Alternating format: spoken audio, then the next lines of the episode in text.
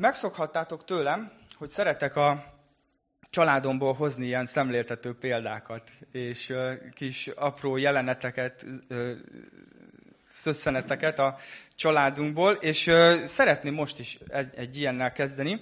A Johanna lányunk van most terítéken, három éves lett márciusban, és nagyon fürkésztük és vártuk, hogy mikor kezd el úgy igazán beszélni. Tehát ugye persze szavakat mondott, meg kifejezte magát, de úgy, úgy, úgy egybefüggően mm, nehezen, nehezen indult el, és körülbelül pont akkor, amikor így a három évet töltötte, akkor tájban elkezdte, és hát jelenthetem, hogy azóta pedig be sem áll a szája, tehát most pedig már azokat a pillanatokat keressük, amikor egy picit csöndben van, és nem beszél. És miért mondom ezt el? Hát már egy ilyen négy-öt hete, több mint egy hónapja vesszük itt a Máté sorozatot, és eleve jó pár hét eltelt, mire egyáltalán Jézus így megjelent a, a szereplők között, és azóta is volt összesen talán három mondata az evangéliumban. Na ma lesz még kettő, úgyhogy bővül a repertoár. Viszont, viszont képzeljétek el, hogy ezután pedig azt fogjuk látni, hogy hetekig, sőt lehet, hogy hónapokban lehet majd mérni, hogy folyamatosan csak az ő beszédét és tanítását fogjuk hallgatni. Úgyhogy azt elmondhatom, hogy kemény lesz, nagyon kemény dolgok fognak elhangozni, úgyhogy lehet, hogy majd mi is azt fogjuk kívánni, hogy bár csak maradtunk volna annál a két-három mondatnál, mint ahogy korábban volt. Na de, na de rátérve akkor most konkrétan arra, ahol, ahol mi tartunk, hát ö, ö, beszéltünk róla itt, a, itt, ahogy bemutattuk ezt a evangéliumot, hogy, hogy hogy Máté nagyon erőteljesen a tanításaira, Jézusnak a tanításaira, nagyon sok példázat van megírva. Erre helyezi a hangsúlyt az ő evangéliumában. És ami ma lesz előttünk, az az első ilyen nagy tanítás, csokor, ugye úgy szoktuk mondani, hogy hegyi beszéd, ez lesz az ötödik fejezettől, annak az előkészítése zajlik ma. Tehát ma így gyakorlatilag így felvezeti ezt, és, és így ki fogunk lyukadni oda, hogy, hogy ott van Jézus, és egy, egy hatalmas tömeg áll körülötte, és elkezdi tanítani őket, és, és ezt fogjuk ma látni, hogy, hogy ennek az előkészítése hogyan zajlott.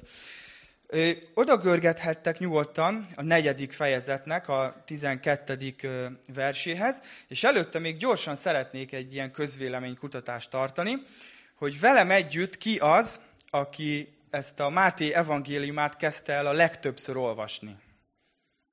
Egyedül vagyok? Hát nem erre számítottam. Megmondom őszintén, én azt hittem, hogy velem együtt legalább jó pár ember lesz, aki minden év januárjában elkezdte ezt a evangéliumot olvasni. Tudjátok, vannak ezek a egy év alatt a Bibliát, két év alatt a Bibliát, stb. Engem őszintén nagyon-nagyon kíváncsi vagyok, és érdekelne, hogy van-e itt közöttünk olyan, aki, aki ezt január 1-től december 31-ig pacekra megcsinálta. Wow, egy nagy tapsot ide a bal sarokba. Ez igen? Ez igen. Számít, erre számítottam, hogy lesz legalább egy ember. Örülök, jó, jó, szuper. Akármennyi idő alatt olvassuk el a Bibliát, az mindenképp nagyon hasznos és jó dolog, de mindezt egy év alatt és határidőre nem semmi. Na jól van, olvassuk akkor, hogy, hogy hol, tart, hol tart most a történet. Egy verset olvassunk csak, hogy itt képbe kerüljünk, hogy hol is vagyunk. A 12. vers, 4. fejezet, 12. vers. Amikor Jézus meghallotta, hogy Jánost fogságba vetették, visszatért Galileába. Na, előnyben van az, akinek a régi papír alapú Bibliája még megvan, és van olyan Biblia kiadás, aminek térképek vannak a hátuljában, talán emlékezhettek erre. Ha otthon még megvan ez a Bibliátok, és nem csak a telefont használjátok, akkor keressétek majd ki. Érdekes lehet egy kicsit így feleleveníteni ezt a bibliai földrajzot. Tehát, hogy ez a Galilea, ez, ez, ez mi, meg hogy akkor most Jézus így hogy mozog így ezen a területen, ezt, ezt tegyük egy kicsit így tisztába. Jeruzsálem és Judea, ez a déli országrész. És itt éltek, a, hogy, is, hogy is mondjam szépen fogalmazva, a tiszta ö, zsidó nemzetiségűek, vagy, tehát ezt nem én találtam ki, hanem ők magukat ö, ö, titulálták így, hogy, hogy ők ugye egy, egy ilyen ö, csoportot képviselnek. É, ettől északra helyezkedett el Samária, és ettől még északabbra Galilea. És Galilea ugye a legészakibb területe az országnak, és egy nagyon népes, tehát rendkívül nagy népsűrűségű, és rendkívül termékeny terület volt. Viszont nagyon sok idegen, pogány népnek, nemzetiségnek a lakói is laktak itt, illetve keveredett népesség is. Ebből következően ezen a területen élő zsidók egy, egy valamilyen szintű ilyen lenézésben részesültek a, a judeai zsidók részéről. És akcentus is jellemezte ezt a, a környéket, úgyhogy ezek az emberek, akik, akik itt éltek, a beszédükről meg lehetett ismerni őket, hogy ők galileaiak. Ugye csak egy felvillantás, hogy hol találkozunk ezzel, hogy amikor Péter ö, tagadja Jézust, és, és ahogy beszél, ugye felismeri a, a, az egyik talán szolgáló lány, hogy de hát te is galileai vagy, te is közülük való vagy, ugye a beszédéről ismeri fel. Ö, szeretnék fontos ö, ilyen megjegyzéseket itt, itt, itt így az elején így lefektetni, csak azért, hogy ne legyünk képzavarba. Egy néhány, ez kicsit ilyen száraz, de ugyanakkor fontos azért, hogy ne zavarodjunk össze, hogy amikor olvassuk a, az evangéliumokat. Ugye azt olvassuk, hogy amikor Jézus meghallotta, hogy Jánost fogságba vetették. Tehát az időzítés, hogy mikor vagyunk, hol tartunk a történetben.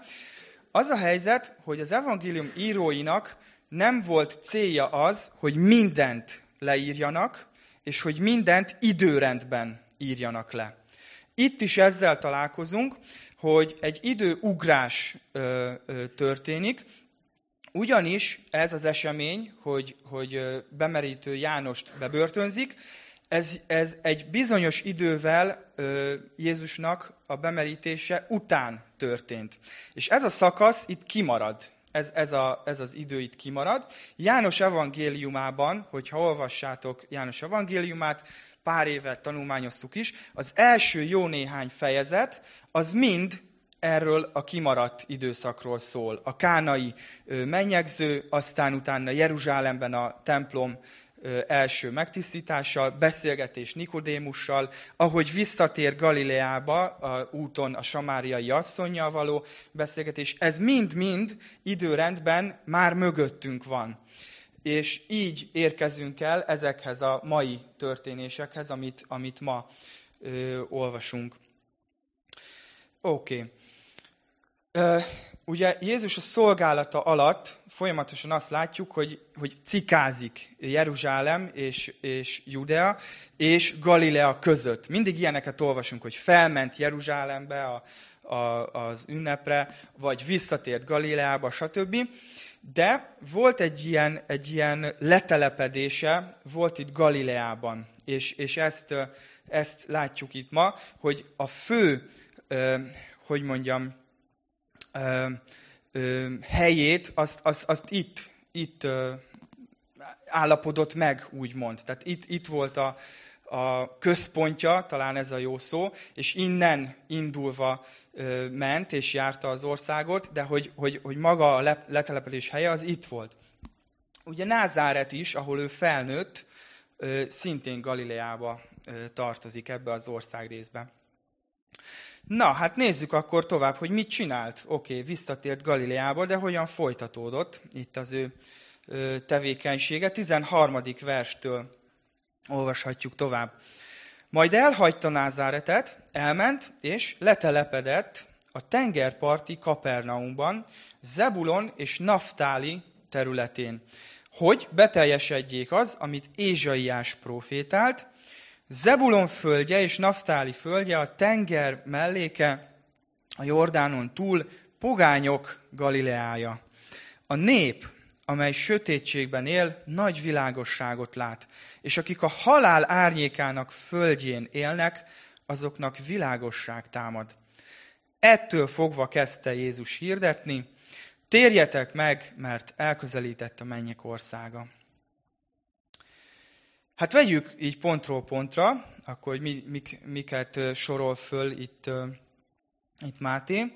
Ugye elhagyta Názáretet. Erről is olvashatunk, hogy miért hagyta el. Hogyha ő ott nőtt föl, ott volt a családja, akkor miért nem telepedett le ott?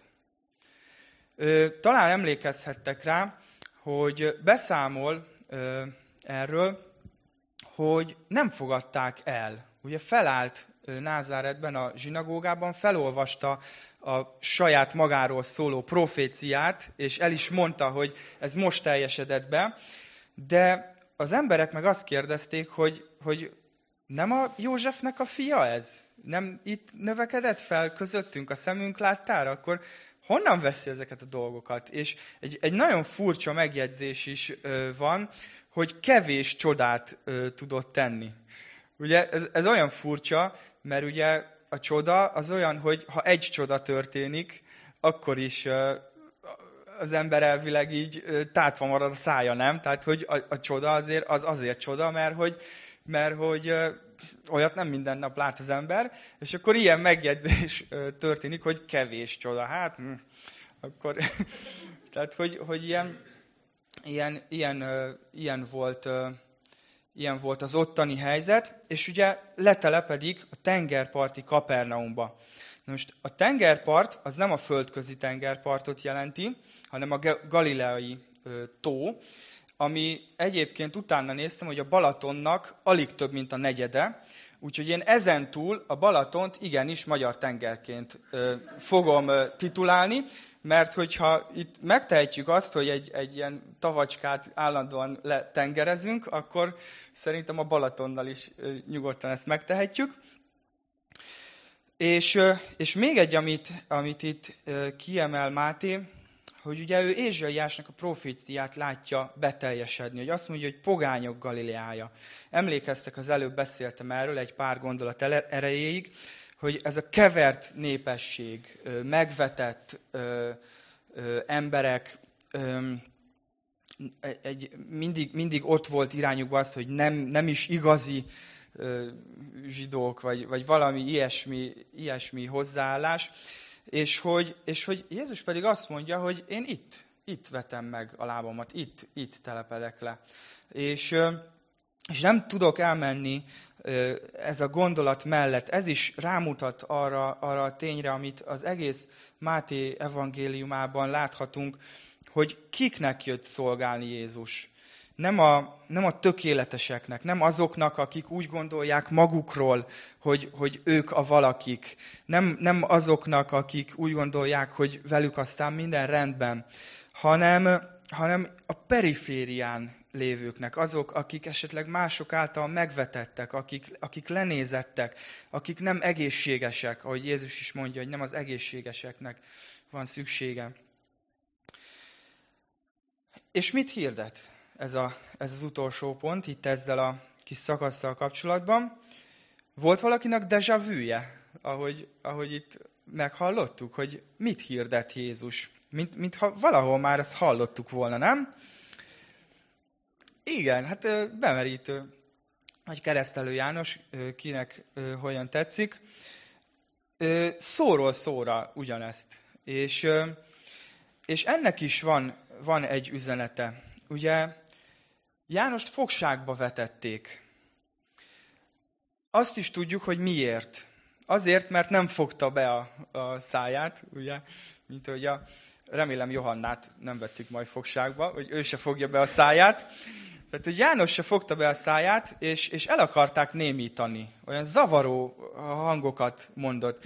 És, és ahogy ez megtörténik, hogy megpróbálják elhallgattatni, Jézus a színre lép, és ő pedig folytatja. És, és, és, és ez egy olyan jó dolog ezt látni, hogy az örömhírt azt nem lehet elhallgattatni. Nem lehet, nem lehet börtönbe zárni az emberrel együtt az örömhírt, mert odaáll Jézus, és, és ugyanonnan folytatja, ahol, ahol János abba hagyta. És János azt mondta, hogy nekem csökkennem kell, neki pedig növekednie. Pontosan ezt látjuk itt, hogy ő, ő teljesen lement a, a nullára, és Jézus pedig nem csak, hogy felvette a fonalat, hanem sokkal-sokkal-sokkal még tovább megy, mint, mint ahogy, amit János hirdetett, ahhoz képest sokkal-sokkal tovább megy, és folytatja ezt a, ezt a vonalat.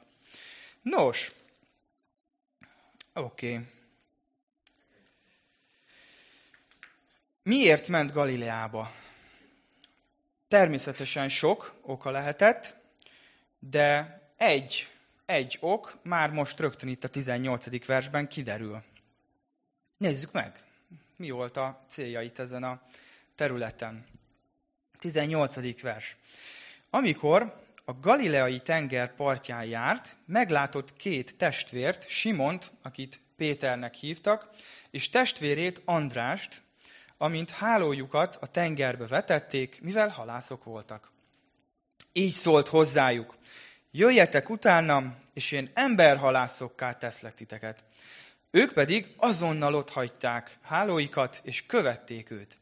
Miután továbbment onnan, meglátott két másik testvért, Jakabot, Zebedeus fiát, és testvérét Jánost, amint a hajóban apjukkal Zebedeussal együtt rendezgették hálóikat, és őket is elhívta. Ők pedig azonnal ott hagyták a hajót és apjukat, és követték őt. Beszéltem már róla a, a bevezető gondolatok között, hogy egy időugráson túl vagyunk. Azt viszont nem említettem, hogy a tanítványai ekkor már követték őt, ahova éppen ment, tudták, hogy ki Jézus, hallották őket, tehát ugye, ami János evangéliumában le van írva sok történés, abban a tanítványok már részt vettek, tehát ez nem egy első találkozás. Én amikor ezt olvastam, ezt a szakaszt, sokáig úgy képzeltem el, hogy ott vannak ezek a halászok, és egyszer csak megjelen Jézus, és mintha beütött valami, valami nem tudom mi, megszállta őket valami, és akkor eldobnak mindent, és, és mennek. Szóval, szóval ez a hívás, Jézusnak ez a hívása, ez nem, nem arra hívás, hogy, hogy gyertek és hallgassátok, amit mondok, vagy, vagy tanuljatok tőlem, vagy stb. Ez konkrétan az apostoli szolgálatra való elhívás.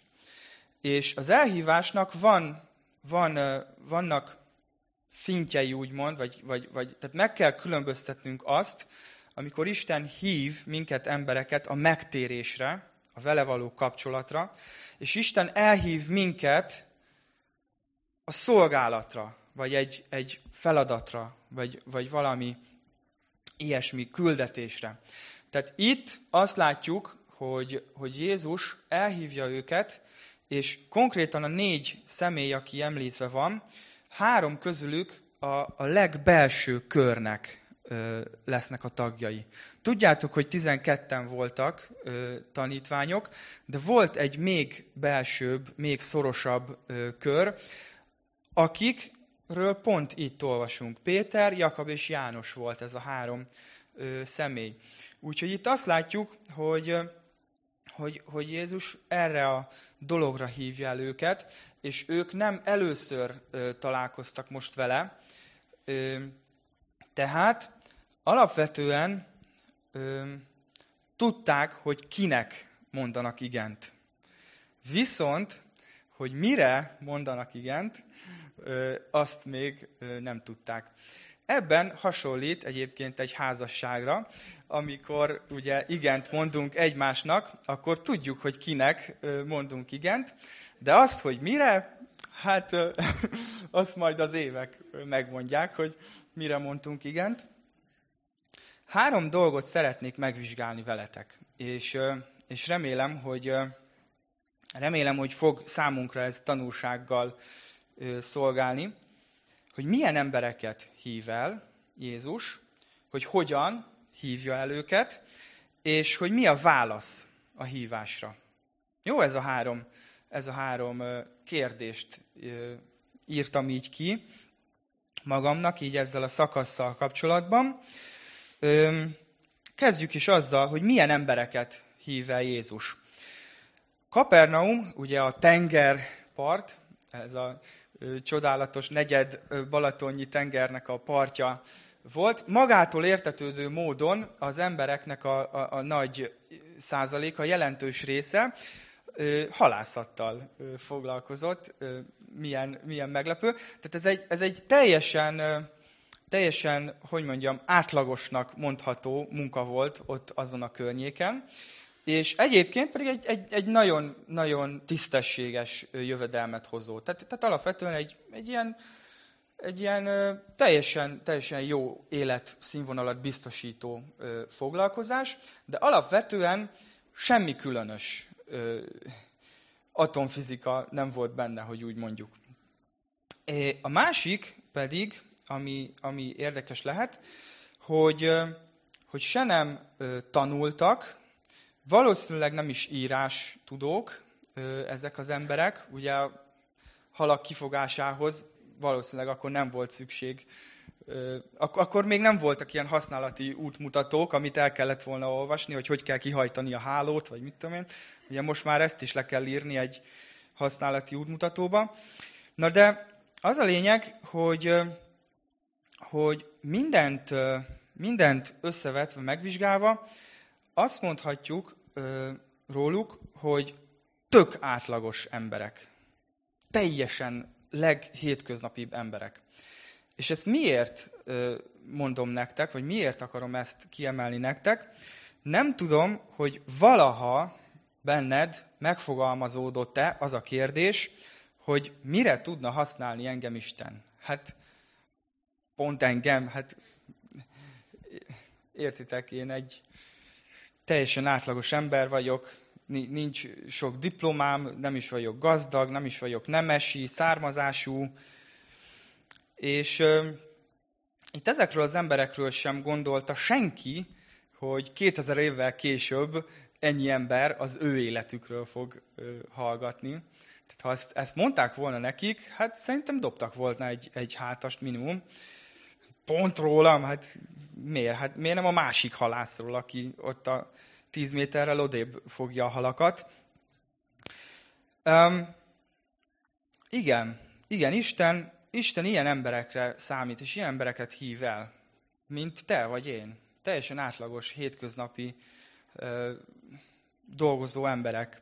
És Pálapostól egyébként ír, ír elről, van egy szakasz, a korintusi levélben, első korintusi levél első részében. Felolvasok innen egy néhány igeverset 26. verstől.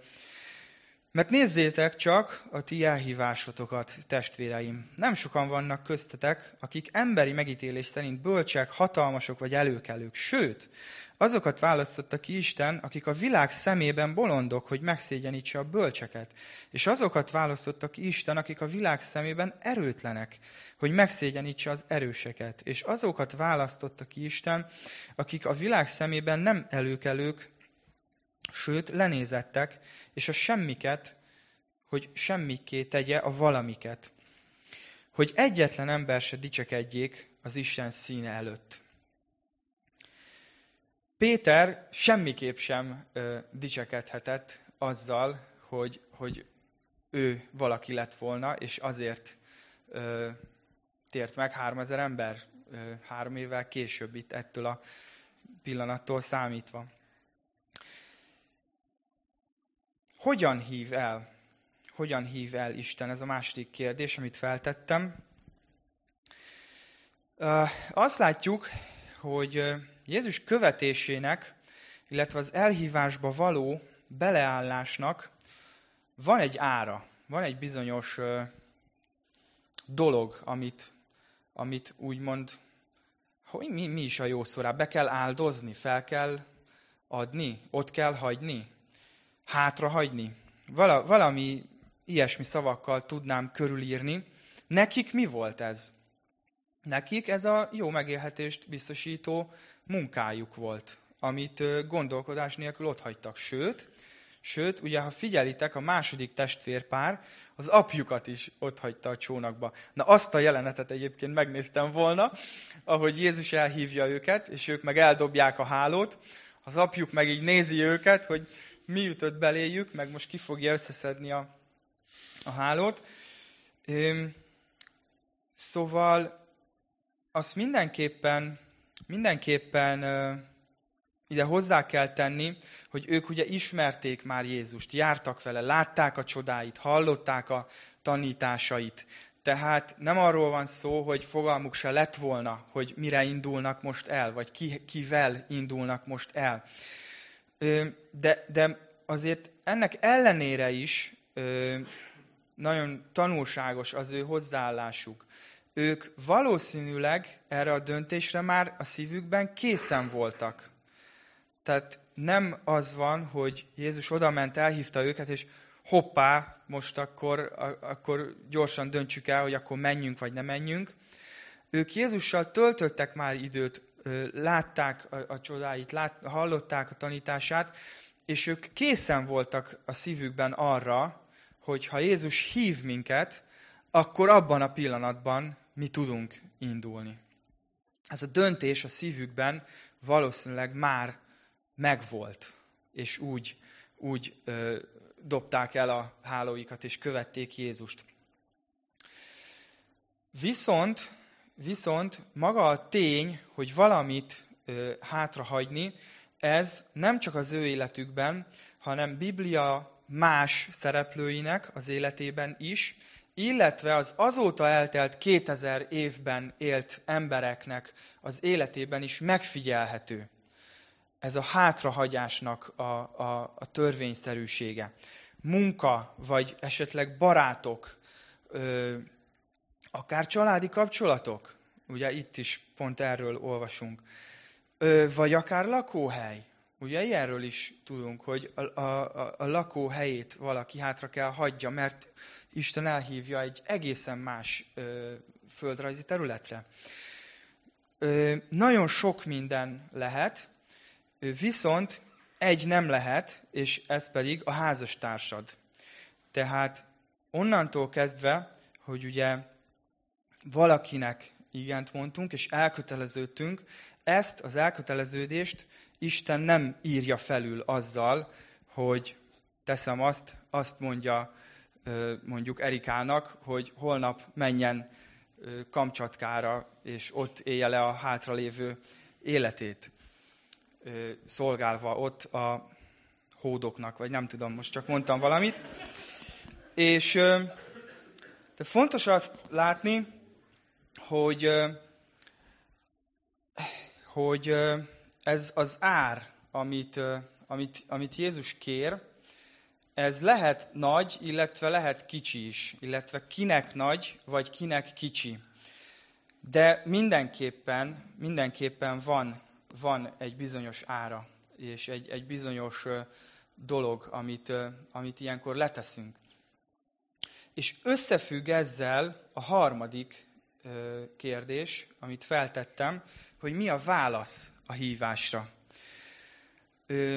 Ennek a négy fiatal embernek, vagy kevésbé fiatal embernek, nem tudjuk pontosan az életkorukat, ugye a válaszát látjuk, ami a szívükben már előre is el lehetett készítve ez a válasz, de minden esetre nagyon meggyőző és határozott válasz. Nekik ez az ár úgymond megfizethető volt. Tehát ők azt mondták, hogy ők, ők ezt hajlandóak letenni, Jézus követése érdekében, és, és a, az elhívásba való beállás érdekében.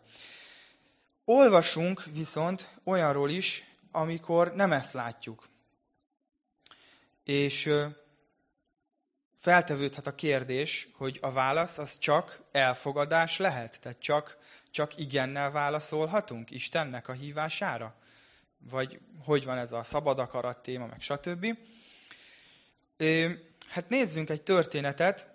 Lukács evangéliumából olvasom, benne van Máté evangéliumában is, de a Lukácsot választottam, a 18. rész, 18. versétől.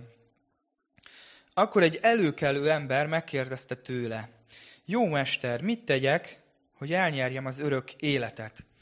Jézus ezt válaszolta neki. Miért mondasz engem jónak? Senki sem jó az egy Istenen kívül. A parancsolatokat tudod. Ne paráználkodj, ne ölj, ne lopj, ne tanúskodj hamisan, tiszteld apádat és anyádat. Ő pedig így szólt. Mindezeket megtartottam ifjúságomtól fogva. Amikor Jézus ezt hallotta, így szólt hozzá, még egy fogyatkozásod van, add el minden vagyonodat, oszd szét a szegényeknek, és kincsed lesz a mennyben, azután jöjj és kövess engem. Az pedig, mikor ezt meghallotta, nagyon elszomorodott, mert igen gazdag volt. Azt látjuk, hogy ennek a fiatalembernek pedig túl nagy volt az az ár, amit, amit Jézus kért tőle, és amit, amivel tesztelte őt, úgymond, hogy, hogy mennyire, milyen szinten áll a, a, az Istenhez való elköteleződése. Kilóg a lóláb egyébként, amikor úgy válaszol, hogy mindezeket megtartottam ifjúságomtól fogva. Ugye Jézus mit sorol föl neki? A törvényt. A törvénynek a, a dolgait. És erre ő mit válaszol? Hogy mindezeket megtartottam. Ez elég beszédes olyan szempontból, hogy ezek szerint ugye ez a fiatalember úgy gondolkodott saját magáról, hogy velem minden rendben. Ugye? Tehát ő úgy látta saját magát, hogy amit Isten elvár tőlem, azt én megteszem és hogy vajon mi kellhet még ezen kívül. Nos, ugye ez pont az a kategória, amikor, amikor az ember azt hiszi saját magáról, hogy ő rendben van úgy, ahogy van, ez az a kategória, ami nehéz segíteni, vagy nehéz változtatni. És ugye Jézus pedig teszteli az elköteleződését, hogy na hát akkor lássuk, hogy, hogy, hogy akkor mennyire Mennyire gondolod ezt komolyan? És egyébként gondoljunk bele abba, amit kért tőle Jézus. Ez őrültség, nem? Ez senkinek nem fordult még elő ö, a fejébe? Tehát, hogy, hogy azért ez brutál dolog, amit, amit kért tőle ö, Jézus. És hogy, ö, és hogy ö, ez nem egyedi eset, tehát Jézusnak a tanításaiban is, meg, meg egy-egy megnyilvánulásában is azt látjuk, hogy nagyon radikális egyébként az, az, az, a, az a szemléletváltás, amit, amit ő így ösztönözne a fejünkben, vagy így, így az embereknek az életében. És, és igen, igen, az elhívás ilyen, hogy vannak olyan dolgok, amik józan, paraszti észsel átgondolva, vagy mondjuk egy, egy közeli ismerősöm, barátom, családtagom, ránézve a, a, az én élethelyzetemre, azt mondaná, hogy ez őrültség. És, és mégis, és mégis van, van, hogy, van, hogy ilyen, ilyen ára van. Viszont a válasz is megvan a kérdésre, ezek szerint lehet nemet mondani. És ez is egy fontos dolog, amit, amit jó, hogyha, jó, hogyha szem előtt tartunk, hogy nem az van, hogy mi robotok lennénk, vagy szolgák, vagy angyalok, vagy, vagy bármi ilyesmi, hogy már pedig, amit Isten mond, az, azt csinálod, és kész. És, és nincs választásod. ennek a történetnek a tanulsága alapján van, van lehetőségünk nem mondani. Van lehetőségünk nem Jézus elhívásában élni az életünket. Az viszont biztos, hogyha az elhívásában éljük az életünket, az csak jó ö, eredmény, eredménye lehet számunkra.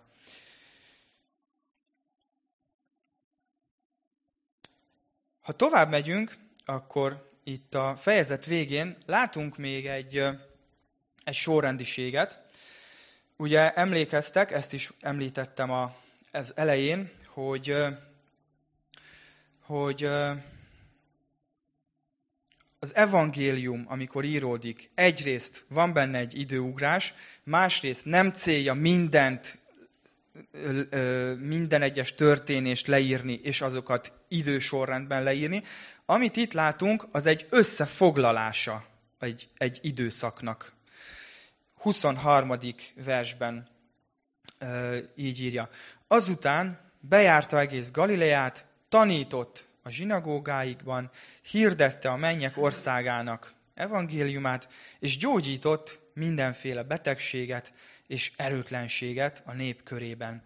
El is terjedt a híre egész Szíriában, és hozzávitték a sokféle betegségtől és kintól gyötört szenvedőket, a megszállottakat, holdkórosokat és bénákat, és meggyógyította őket. Nagy sokaság követte Galileából, a tízvárosból, Jeruzsálemből, Judeából és a Jordánon túlról. Most hátulról kezdeném e, ezeknek az igeverseknek a, a, a megvizsgálását. Ez a terület, amit leír, ez egy ilyen 100 kilométeres sugarú kör. Tehát ezek a földrajzi helyek, amiket itt leír. Ezzel is játszadoztam egy kicsit a, a Google Maps-on. Ez olyan, mintha ide Kistarcsára mondjuk Siófokról, vagy Egerből, vagy Kiskun ö, Lac háza? Vagy Kiskun félegyháza. Na most ezt jól összekevertem. Mind a kettő jó. Szóval, mint hogyha ilyen helyekről ö, járnának ide emberek azért, hogy ö, lássuk, hogy mi van itt.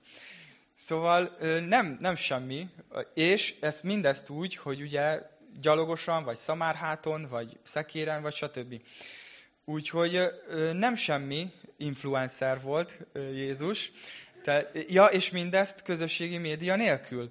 Úgyhogy működött akkor is a közösségi média, csak akkor azt úgy nevezték, hogy a öregasszonyok kiülve a kapuba. Az volt a, a közösségi média. Na és működött akkor is, és óriási tömeg követi. És azt látjuk, hogy Jézusnak ezek a dolgok, amiket csinál, mintha egy eszköz lenne. Mint hogyha ő, ő így gyűjteni szeretné az embereket. És, és, és ugye tudja, hogy az emberek mire ugranak, mire harapnak rá. Ugye a, a csodák az, az egy ilyen jó, jó kis odadobott cukorka, mint a gyerekeknek, hogyha gyerekeknek akarunk beszélni, ahol sok gyerek van, akkor el kell kiabálni magunkat, hogy gyerekek, cukorosztás, és akkor rögtön ott lesznek jó sokan. Szóval én valami ilyesmit látok benne, hogy előkészít itt, itt valamit Jézus. Maga köré gyűjti ezt az óriási sokaságot és hogy aztán mi lesz ezzel a célja, hogy, hogy, hogy miért gyűjti maga köré ezt a sokaságot, ezt fogjuk majd az ötödik fejezetben látni. Ugye ő, ő, ő neki kellett egy, egy nagy embersereg, akiknek elmondhatja a mennyek országának a programját gyakorlatilag. A hegyi beszéd az nem más, mint a mennyek országának a, a, a működése, vagy a, vagy a mikéntje. És és ezt látjuk, hogy ezt, ezt készíti elő Jézus. Viszont van még egy ö, érdekes dolog, az, az, az a sorrendiség, ahogy itt felsorolja.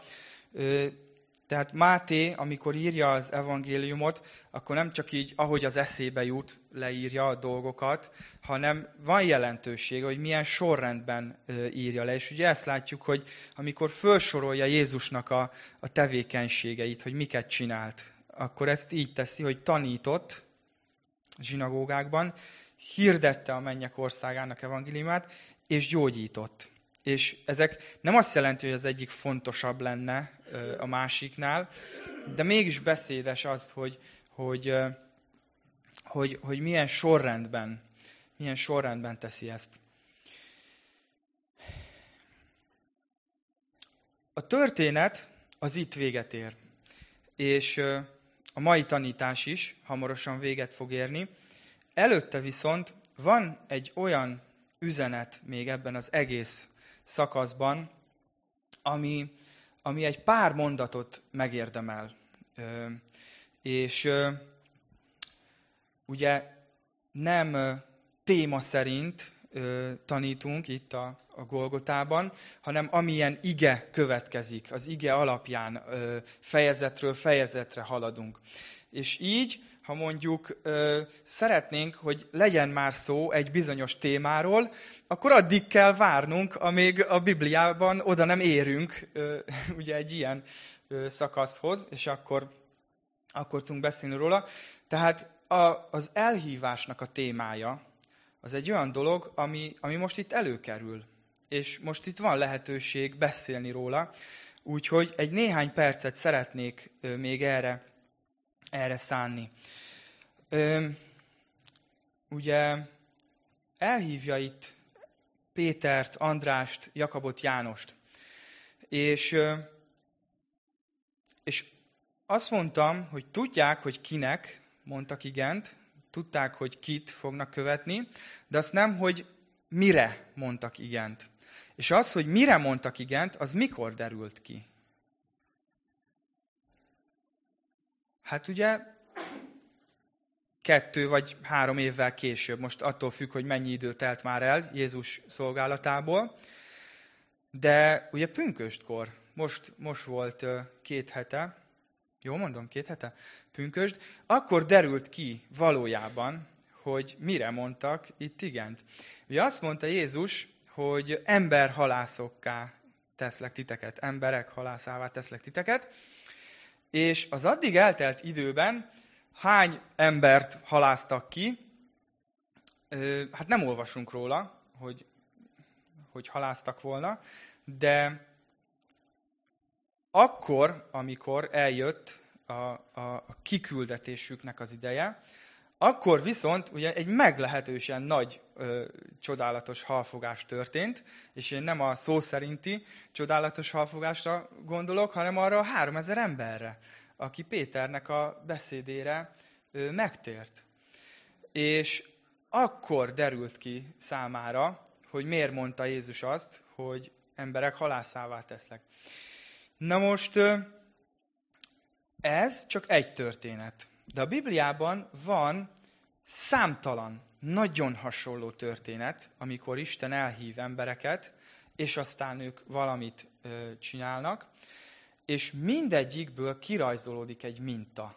Kirajzolódik egy, egy, egy hasonlóság, amiben, amiben megfigyelhetjük, hogy nagyon, nagyon hasonló módon működnek. És ebből az rajzolódik ki, hogy az elhívásnak vannak szakaszai. Egy időbeli, időbeli tengelye van az elhívásnak, és azért jó, hogyha tudunk erről, mert, mert be tudjuk lőni magunkat, hogy mi, melyik szakaszában vagyunk az elhívásunknak.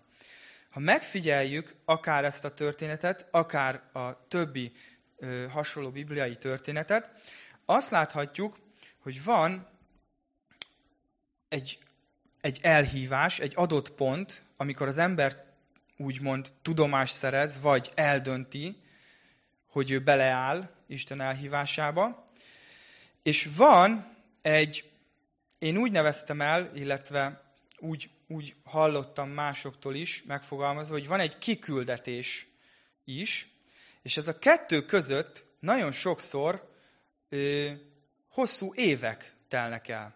És az, hogy itt Péter esetében kettő vagy három évről van szó, igazából ez az alsó ö, véglet. Mert ennél csak több éveket látunk ö, a, a különböző történetekben. Tehát ő még egy egészen szerencsés ö, ember volt ezzel a két-három évével.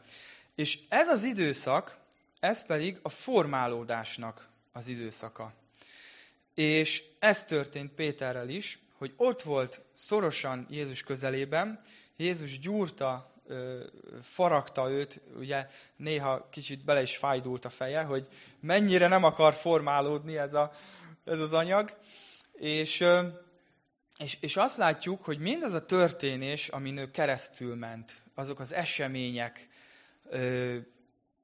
minden, amit látott, hallott, tapasztalt, az mind-mind egy felkészítés volt arra a, a bizonyos kiküldetésre, amikor aztán éles, belett élesítve az elhívása. És, és ezt, ezt, ezt szeretném, hogyha látnátok ti is, hogy különböző helyeken állhat a ti életetek. Lehet, hogy még nem vagytok tisztában Isten elhívásával. Ezt nem csak passzívan várni kell, hanem rajtam is van felelősség, hogy én keressem, és, és józan eszemmel végig gondolva, az igét tanulmányozva, kérve a Szentlélek vezetését, megkapjam ezt az elhívást. Tehát ez, ez, ez nem, nem úgy van, hogy, hogy én csak ülök és várom, és egyszer csak megjelenik egy angyal, és azt mondja, hogy ez is ez lesz. Hanem ebben igenis aktívan ö, mi része vagyunk ennek a keresésnek. Aztán, hogyha ez megvan, akkor pedig van egy formálódás időszaka. És én a saját tapasztalatomból azt mondhatom, hogy ez a miértek időszaka, vagy a kérdések időszaka, amikor nagyon sok mindent nem értünk. És figyeljétek meg, hogy Péter és a tanítványok is ugyanígy voltak. A kérdéseikből csomó minden kiderül, hogy mennyire nem voltak képbe még, még dolgokkal. Ugye, csak egy példát hagy mondjak, akiket itt elhívott Jézus, Jakab és János, azt olvassuk róluk, hogy Jézus azt a nevet adta nekik, hogy mennydörgés fiai. És ez, erről van egy történet, amikor egyszer keresztül mentek ö, Samárián, és azt kérdezték, hogy, hogy miért nem lehet az, hogy lejöjjön a, a, az égből egy nagy csapás, és elpusztítsa azt az adott települést, vagy valami ilyesmi. Ö, hogyha 21. századi embereket kéne ide párhuzamba állítani, akkor én szerintem a skinheadeket említeném, hogy ez a két srác, az két skinhead volt. Tehát, hogy nem véletlenül mondta rájuk ö, ö, Jézus, hogy menj dörgés fiai. És, ö, és ugye a, a kérdéseikből látszik az, hogy mennyire nem voltak képbe ö, bizonyos dolgokkal, és még ott egészen közel a végéhez, még ott is kérdeztek olyanokat, hogy, hogy hát Jézusnak kellett a türelem ajándéka bőségesen. Szóval a formálódás időszaka alatt vannak próbatételek is. Isten keresztül vezet minket próbákon, nehézségeken, és ezek mind, mind, mind arra szolgálnak, hogy felkészítsen minket. És végül aztán ott van a kiküldetésnek az időszaka is, amikor élesedik úgymond a, a, az elhívásunk, és, és akkor pedig jönnek a, a válaszok, az pedig a válaszok időszaka, amikor a, aha, ezért történt az életemben ez és ez. És, és ugye akkor, akkor kerülnek helyére a dolgok, hogy és tényleg, tényleg azon keresztül mentem, és most azért vagyok képes erre és erre. És, és, és stb. Úgyhogy, úgyhogy én arra bátorítalak titeket, és ez már az árszó, érkezhettek Petiék majd lassan, hogy ez lehet, hogy ilyen kicsit különös kérés lesz. Nem szoktunk ilyet kérni tőletek, innen a, a, erről a helyről, de hogy, hogy szerintem tök jó lenne, hogyha tudnátok időt szánni csendességet magatokban, egy nyugodt, nyugodt időpontban, hogy ezeket a dolgokat végig gondoljátok a saját életetekben, hogy hogy, hogy mint vagytok ezzel a témakörrel. És, és ez, ez, ez tényleg, aki ezt megteszi, én, én merem állítani, hogy csak a javára szolgálhat, hogy a következő héten keressetek egy olyan időpontot, amikor, amikor tényleg csak magatokba tudtok csendességben oda menni Istenhez, és, és, és beszélgetni vele, és, és megkérdezni, hogy, hogy Uram, hol szeretnél látni? Uram, én most melyik, melyik életemnek, melyik, melyik szakaszában vagyok? És most amin keresztül megyek, az, az, az mire készít föl? De ha nem is mondod meg, hogy mire, akkor is, akkor is tudom, hogy, hogy szükségem lesz rá, és, és amikor az úrvacsorát fogjuk venni, most pár perc múlva, akkor is elkezdhetjük ezt a beszélgetést már, de, de szerintem kevés. Szálljatok erre időt, és, és ne sajnáljátok erre az időt. Házastársak, akik most közösen hallgat, hallgattotok engem, beszéljétek meg, hogy mikor biztosítotok egymás számára egy ilyen kis én időt, egy, legalább egy fél óra, órát. Úgyhogy imádkozzunk, imádkozzunk, és így, így jöjjünk most Isten elé gondolatainkban, és, és az úrvacsorában pedig, pedig arra emlékezünk, ahogy Jézus az ő elhívását betöltötte. És ő is igent kellett mondania, és ő is keresztül ment a megpróbáltatáson, és ő is még a legutolsó percben is újra igent kellett, hogy mondjon az elhívására, és, betöl, és így betöltötte ezt. Úgyhogy ez lehet előttünk talán a legjobb példa. Imádkozzunk! Istenem, köszönöm a Te igédet, köszönöm ezeket a rövid történeteket, amik, amik, amiken sokszor csak átszaladunk, és, és, és sokszor úgy vagyunk vele, hogy hagy jöjjön a következő, hagy jöjjön a neheze, a kemény eledel, de, de Uram, annyira jó, hogy, hogy Te ebből is tudsz üzenetet adni nekünk, ebből is tudsz um, megszólítani minket. És Uram, az az én szívem vágya, az az én kérésem, hogy itt most az embereket egyenként szólítsd meg, személyesen szólj az emberekhez, személyesen, névre szólóan nevezd meg őket a nevükön, és, és emlékeztesd, hogy, hogy emlékeztes bennünket, hogy kik vagyunk benned, kik vagyunk, mi, mi az identitásunk, Köszönöm Istenem, hogy, hogy Jézus a legnagyobb példa előttünk, aki a végsőkig kitartott az ő elhívásában, és betöltötte azt. Köszönjük, hogy, hogy ezáltal lehet nekünk örök életünk. Amen.